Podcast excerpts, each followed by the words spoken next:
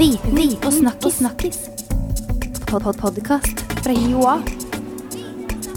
Viten og snakkis. Velkommen til en ny episode av podkasten Viten pluss snakkis. Podkasten som gir deg svar på det du lurer på på livets vei mellom Trump og Clinton. Aha. Jeg heter Halvard Lavoll, og med meg i studio i dag har jeg min eh, tilbakelente og spørrende kollega Stig Nøra. Hallo. God dag. Eh, god dag, god dag, Halvard. Eh, vi har jo tidligere snakka om Russland og Colombia og Brasil i denne podkasten. I dag har vi kommet til USA, og av naturlige grunner. Dette valget er for sprøtt og spennende til vi ikke kommenterer. Ja, ikke sant? Ja. Ja, altså, Selv om mange nå reagerer på en eh, si, norsk overdekning av eh, valget, så føler vi allikevel at vi må eh, inn og snakke litt om, om dette temaet her. Um, Og med oss i studio i dag for å snakke om USA, valg og velferdssystem har vi fått Erika Gubrium. Velkommen. Or welcome, may you say. Tusen takk. yeah, welcome. Thank you. Uh, and, and here we go over to, the, to English because The hard part. you're from the US. Yes. What are you doing in Norway?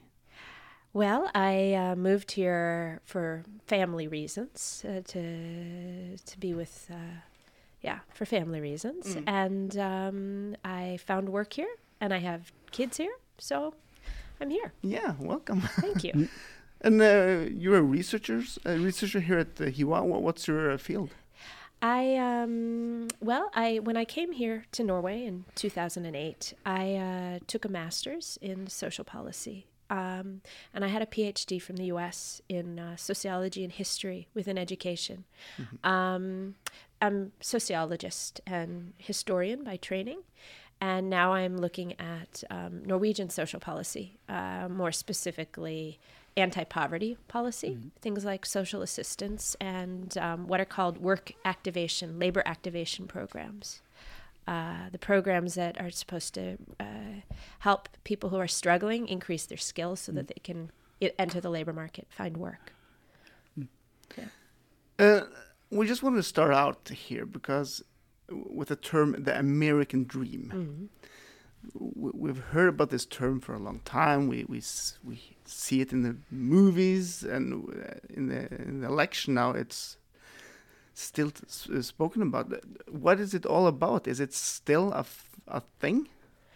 Yeah, uh, I think it's it's uh, talked about across both political parties, both the Republicans and Democrats uh, speak. The major political parties uh, speak about the American dream quite a bit. Um, it's kind of a symbol in the U.S. political. Um, it's in music, in movies. Um, what it, I, I think, what it what it really points to is the idea that uh, if you work hard, it has this idea of what's called meritocracy involved. If you work hard and uh, you plan uh, for your future, then um, you should be a success. Basically, everyone has an equal opportunity, and it's up to individual effort to uh, make yourself a success. And it's this idea of individual hard work, maybe some struggle, but uh, that that uh, opportunities are there for everyone to become a part of the middle class. So there's this real focus in the U.S. on the middle class, and uh, I think I mean what I learned growing up is that everyone thinks they're in the middle class. Basically, if you ask someone to describe what class you're in, people think first of all, class. That's kind of a strange thing, but I'm middle class. Whether you're wealthy or whether you're struggling. So people are in the middle class. And um, it also fits with this idea of, of kind of a, a classless society in a way. Because if it's if it's about um, working hard and making a success for yourself, there are no sort of um, there are no barriers to that. You know, there are no deep barriers to social mobility, to, to moving ahead and doing well. So it's a real individual focus, and it's a real uh, f- uh, classless focus. Yeah. But but but does does Americans still believe in in, in the American dream? Is is it a common belief there, or, or with everything happening now, it, does people look at other People look very angry. I mean, uh, Yeah. and uh, disappointed, and they Right. looking back. So Well, uh, but I, I think I think um, first of all, I think that the American dream is there. It's this sort of overarching story, you know, this overarching what we call in research a narrative. Hmm. You know, this story that you know that is a part of the that that's a part of being in the U.S. Hmm. is the the American dream. Whether or not you feel like you've attained it, it's there for the taking basically. So i think and of course you know the, both republicans and democrats use this story in their speeches. They use them um, yeah campaign speeches in their in their sort of uh, party platforms. They they use this. So if if the american dream weren't there if people didn't believe it they thought oh that's just yesterday's news. That's not today. Then they wouldn't use it. But they use it. They I mean, I, I, I was watching Hillary Clinton speak. She talks about the American dream. Barack Obama speaks about the American dream all the time and about the middle class. They, they direct their comments at the middle class. Trump uses it differently. how? How can you explain? He's- Trump, uh, it's very interesting because Trump uh, speaks about the American dream and basically says the dream was there. looking It's back, not there for most of you. It's it's not there for a lot of you, and we want to get it back. There sounds something true in that. Yeah. Um, uh, Yeah, he Yeah. he. Uh, the the thing is, is Trump. You know, whether or not it's a performance, as you know, I can talk about that. But uh, whether or not it's a performance, he's striking a chord that's there. This feeling that the American dream is there, but it's just out of reach. I, I can't quite get it, and there are reasons why. And uh, you know, yeah. What do, do the research shows uh, the findings about the American dream? Is it possible still, or Uh, my research, well, my research doesn't really talk about whether the American dream is possible because I'm not, say, an economist. But my research is looking at sort of the, the social, psychological uh, effects of, of sort of being in this situation. Um, and and really, my research is um, the research, and it's just not just my research. I'm, I'm working with a team of people um, from uh, it's over two projects from eight different countries, and um, the projects have been led in the UK and in the US, uh, not in the US, the UK and Norway, and um, and so the results you know the findings that we have have shown that what what how do people who are struggling living on low incomes have low status what are their experiences in in in eight very different settings? And in the second uh, research project we we have the US in there in the first one we did not. And so some of this these findings you know we found very um, strong uh, sort of themes commonly emerging across these eight very different settings. And so from our first project we said, well there there's strong sort of similar findings emerging across these eight settings. They what that suggests is there's a sort of a robust uh, evidence to support certain conclusions. And so the conclusions we draw about poverty and what we're focusing on is shame and dignity. Poverty, shame, and dignity, and how these do these connect? And we found yes, there's a very strong connection between poverty and shame. Mm-hmm. And I can explain a little more because it's not just poverty, mm. it's relative poverty. And it, I, I'm not talking about relative versus absolute, I'm talking about your own poverty versus what you see around you. It's Around a relational, neighbors, re- yeah, yeah. relational poverty. So who's around you? And not just who's around you, but what is the sort of story that's told. We talk about again this narrative. What is the story that's told in these settings about, you know, why people are living in poverty, what the normal way to live is, what society expects you of you, how how they expect you to live and to to be. Do you have an example of uh, a story like that?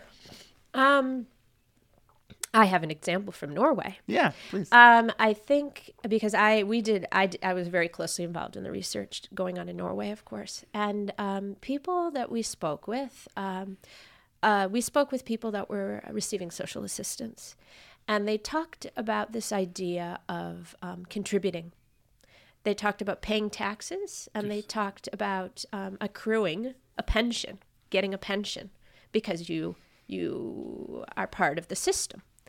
And then they talked about the feeling of not working.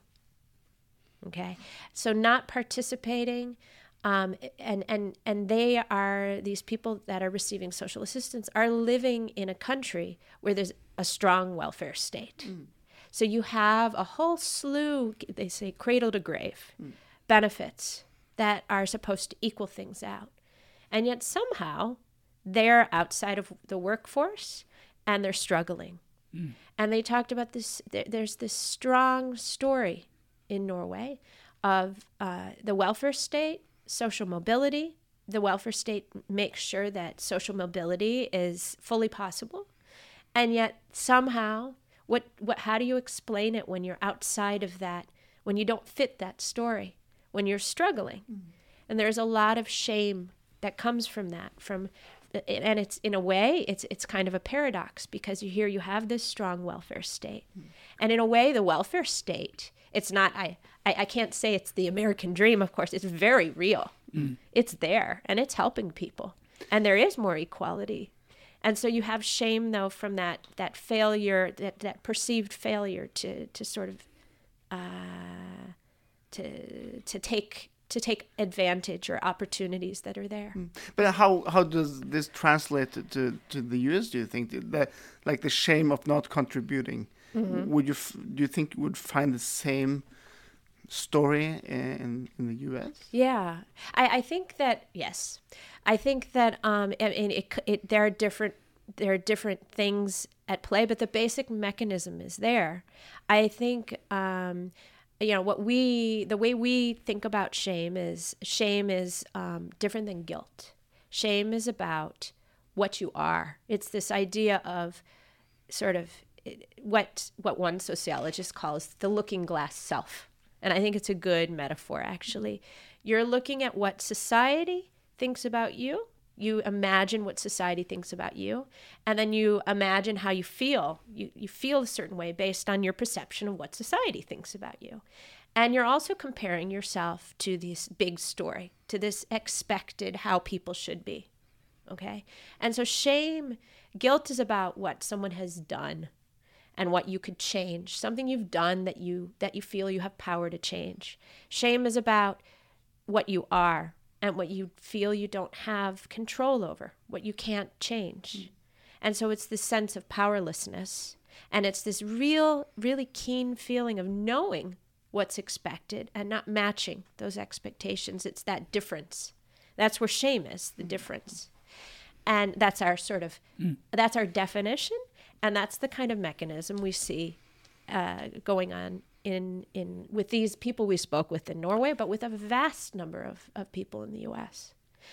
Um, but in the U.S., so in Norway you have this welfare system. In the U.S., you have the American dream. Yeah. yeah. Okay. Yeah, yeah, yeah. It, it's interesting because I was thinking, you know, you have this sort of thing where people in Norway feel very in, you know, these people uh, receiving social assistance feel shame. Uh, not everyone, but there was a common, the people we spoke with, there was a common feeling or suggestion that they felt shame. In the U.S., um, you know, you have this American dream. It's a story okay i mean there are there's vast research that suggests that the american dream social mobility is is not there there's there's huge inequalities in the us the middle class has basically is disappearing, Disappearing, if not you know there's there's the middle class has either gone up or down and a lot of it has has gone down into sort of a working or struggling lower class they call it. And so it's disappeared. And um, you know unions which were there have disappeared. Uh, they, they're still around but they're not as powerful as they were. And and we can talk about what they what they what they served as to, to begin with before.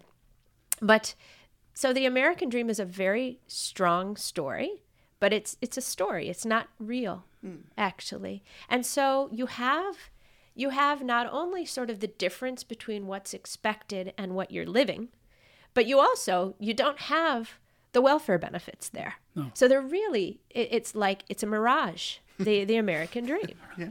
and so there's there's there's real struggle, and there's but there's nothing to attach it to because you have this American dream. But it's still alive and kicking. People still believe in the American dream. Yeah. and I and I think uh, you know I think I think Facebook is a really interesting Yeah. place to be right now, and it has been for the last you know uh, half year. I mean, it's you know I look at postings and and it's it's and I have a, a wide variety of friends on Facebook. I have people friends from the left who are sort of labor organizers, feminists, and I have uh, relatives who are struggling, you know, who who sort of worked for for auto industry and are struggling.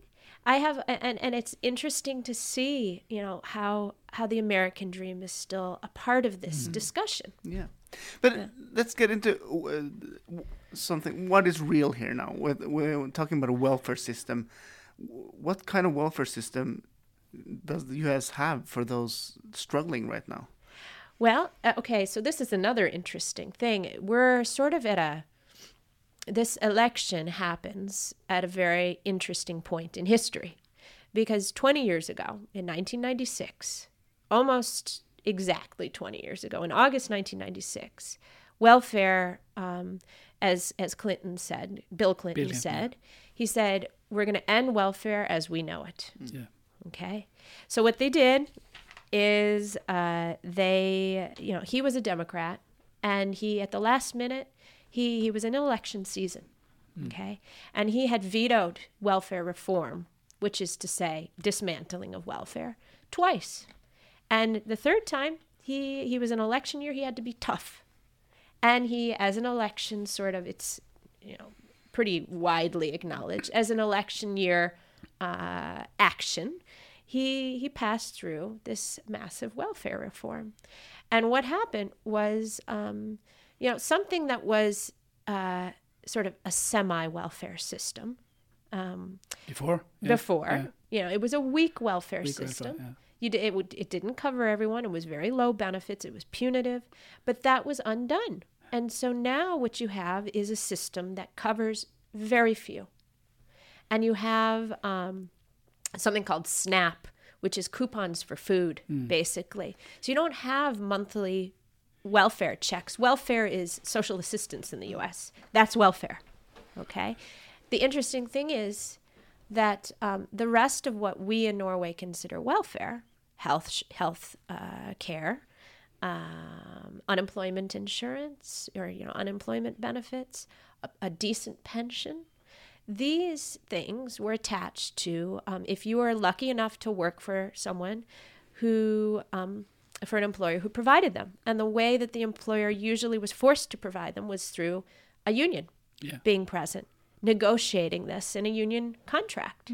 And so you had to be sort of the right person at the right place at the right time with the right union to have benefits which they called fringe benefits. They're still called fringe benefits. These you know very important things But, but what the u- what are about the unions? Why have they uh, like uh, disappeared in uh, or been dismantling in uh, the states? Well, um, for various reasons. I mean, I can't, I can't in, in, in a space of three minutes say why they disappeared, I guess. But what I can say is when the unions were around, um, I mean, there's, uh, there were a series of laws that weakened the ability to form unions at a workplace, the ability um, of unions to have to, to, to bring in membership. And there were laws that said that certain states couldn't have unions and that you couldn't strike. So basically, the unions, in terms of the, the mechanisms where by which a union usually works and, and establishes some leverage, the, the unions were crippled in that way uh, by by legal means.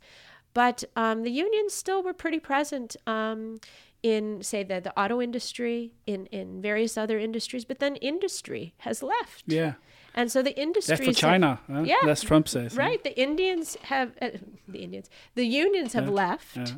and um, and we also had a succession of presidents, starting with Nixon in the U.S. in the in the early '70s or '69, I think. Mm. Um, that basically um, were quite anti-union. Yeah. So so they passed uh, anti-union policies and legislations, broke strikes. Uh, yeah. And so we ended up here today uh, Yeah. with a lot of angry, especially white male, uh, yeah. lower middle class. Yeah. And we have Trump and uh, Yeah. Uh, What we, I mean, what we see again, our research comes in um, and and has a few. Uh, I think there's a few interesting things to bring from the research that we've done because we've seen, we've looked at the effects of shame. Okay, we've looked at the social psychological effects of shame, and you know, in the U.S. press and now in the Norwegian press also, there's a big discussion about shame, but but the mechanism as to how it works is not really discussed. You know, it's sort of these people feel shame, and sometimes even in the Norwegian press, there's sort of well, they should feel shame. You Yeah, know, yeah. there. I mean, there's a, a book that's come out called White Trash yeah, right. it, which is great, I think, because it's what it does is it shows historically the sort of division of of um, the the real class divisions that exist in the U.S. and the use, in a way, of a lower class uh, group of whites, uh, uh, sort of building race anger race-based anger. And it's it's sort of the use of of lower and working class whites by the upper classes to sort of be a buffer against other minority groups latinos blacks. That i mean this is the way they're they're called in the us Uh, by, yeah, by yeah, race yeah, names. and used as a buffer. And you get this sort of you know when you have um, the feeling of being used you have the feeling of losing control of your situation when you have a middle class that you were you had for example a job in the auto industry with your fringe benefits your health care pension all of a sudden you're without this work. And it's not your own fault. You worked hard your whole life you know? You worked harder than all these other people around you and yet your your quality of life has disappeared and there are you know there's the financial crisis. You read in the news that that the banks are being saved but nothing's really going to help the everyday working man they, i would think. And this So yeah, the elite politicians has let uh, the middle class down, or? The elite middle uh, politicians I, I would say that not only have people been let down because i would say that on both sides of the political aisle the politicians are both sides are very pro business Yeah. pro big business. So there's not really a big difference there. I mean in ter- if you look at the at the history of these of these politicians basically they're let down. But what happens is you get across the US and not just the politicians across the right and the left in terms of politically. And i'm interested in in the left on the left.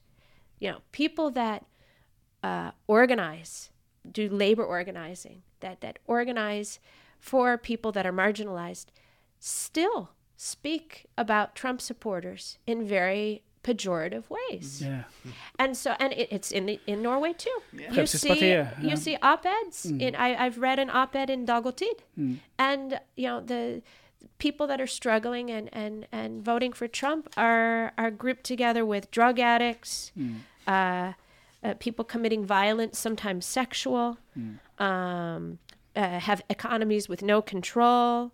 And uh, people that live on an unbalanced diet with too much sugar. like all of these things that are sort of the worst things you can possibly imagine.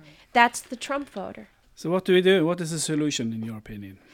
Well, I okay. So actually, I think I think you know I the, more that I I read and write about this and think about this, the more I think um, that my my own experience as a, a labor organizer comes in here, and organizing 101 is you do what you call a an organizing conversation, a sort of uh, you go and you talk to someone, and you try to understand what their everyday reality is like.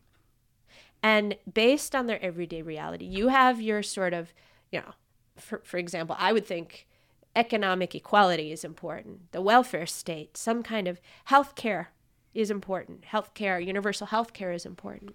Well, when I was in the US, I worked on a universal health care campaign. We went out, I was living in Florida, and we went out, we talked to people, we knocked on their doors, we talked about universal health care But we didn't say universal health care first thing. We said, what is your healthcare situation like? How do you get help with this? And people would start to get angry. They would say, this doesn't work. And then you bring up universal health care. This, why not this? And, you know, this is understanding and linking to, to your own political platform, for example. And that's what both parties and I think both sides need to do. We need to move to a conversation where we're trying to understand, we're not labeling uh, people as just blanket racists, blanket, you know, degenerate. We're trying to understand. You have to listen to people more, like uh. Listen to understand their situation. or, listen uh, to people, understand this mechanism of shame, mm. actually, because when you categorize and you you you sort of you label people, you divide further. You you create further anger, and that's what happens is when the media labels the Trump supporter as all of these bad things, it divides further, and that's what the U.S. media has done. On the right and the left, And Norwegian media. and the Norwegian media increasingly, yeah. Uh, we have to start wrapping this up now, but I, I I was just wondering if if if you look into your crystal ball and look two years ahead now, Mhm. who's the president and what has changed after a couple of years uh, as a new president? Well, uh, I think you know, I, I think it's it's. If you'd asked me two weeks ago, my answer might have been different. But it seems to me um, that that we- we're probably going to have a Democratic president. Um, I think that um, the the things that we're talking about today, of course, there's a lot of of news coverage right now on the U.S. elections before the election, but I think the time to think about it is after the election, because we had the Tea Party with uh, with Obama, uh, Barack Obama being elected. I think we're going to have a a stronger. There, there's already talk now of this revolt movement that's stronger with uh, with Yeah. Clinton being elected, Like and I and I think that the Democrat D- Democratic Party would be very smart to um, start listening to people like Bernie Sanders, who spoke in a much more broad based language about class, addressed these issues, recognized that there is not an American dream, that we want an American dream, but that doesn't mean that there is an American dream. And a lot of people are frustrated for very real reasons, and we need to think about this. Should uh, if if Hillary's uh, Hillary Clinton will be the president, should she find a place for uh, Bernie Sanders in her government? I, I. I think I, I don't think it's going to happen, but I think I think it would be very smart if if she did, and I think that um, I think Bernie Sanders and and and that sort of political uh, discussion, uh, that kind of movement needs to to continue. We need to think beyond Democrats and Republicans because the two political parties um, are so beholden to uh, to big business now that I, I think we need a third discussion or really a second. You know, yeah. Okay. Thank you very much Yeah. for coming. It was uh, insightful and, in, and really interesting, and um, it's going to be really Very exciting in a week to come. Yes. And, uh, Yeah. To see who win the election. Yeah. Will you be up all night waiting for the result, or will you go to bed early and? Um, I'll probably check early the next morning. Okay. Yeah. Thank you very much, uh, Erika Gurum, for Thank coming uh, with us. Og uh, til deg som hørte på, tusen takk for at du ville være med oss i denne episoden her. Alt det vi har snakket om, og tidligere episoder, det finner du på blogg.hiwa.no skråstrek viten og snakkis. Ha en videre fantastisk dag. Ha det bra. Viten og snakkis. snakkis. Pod -pod Podcast fra Joa. Viten og snakkis. snakkis.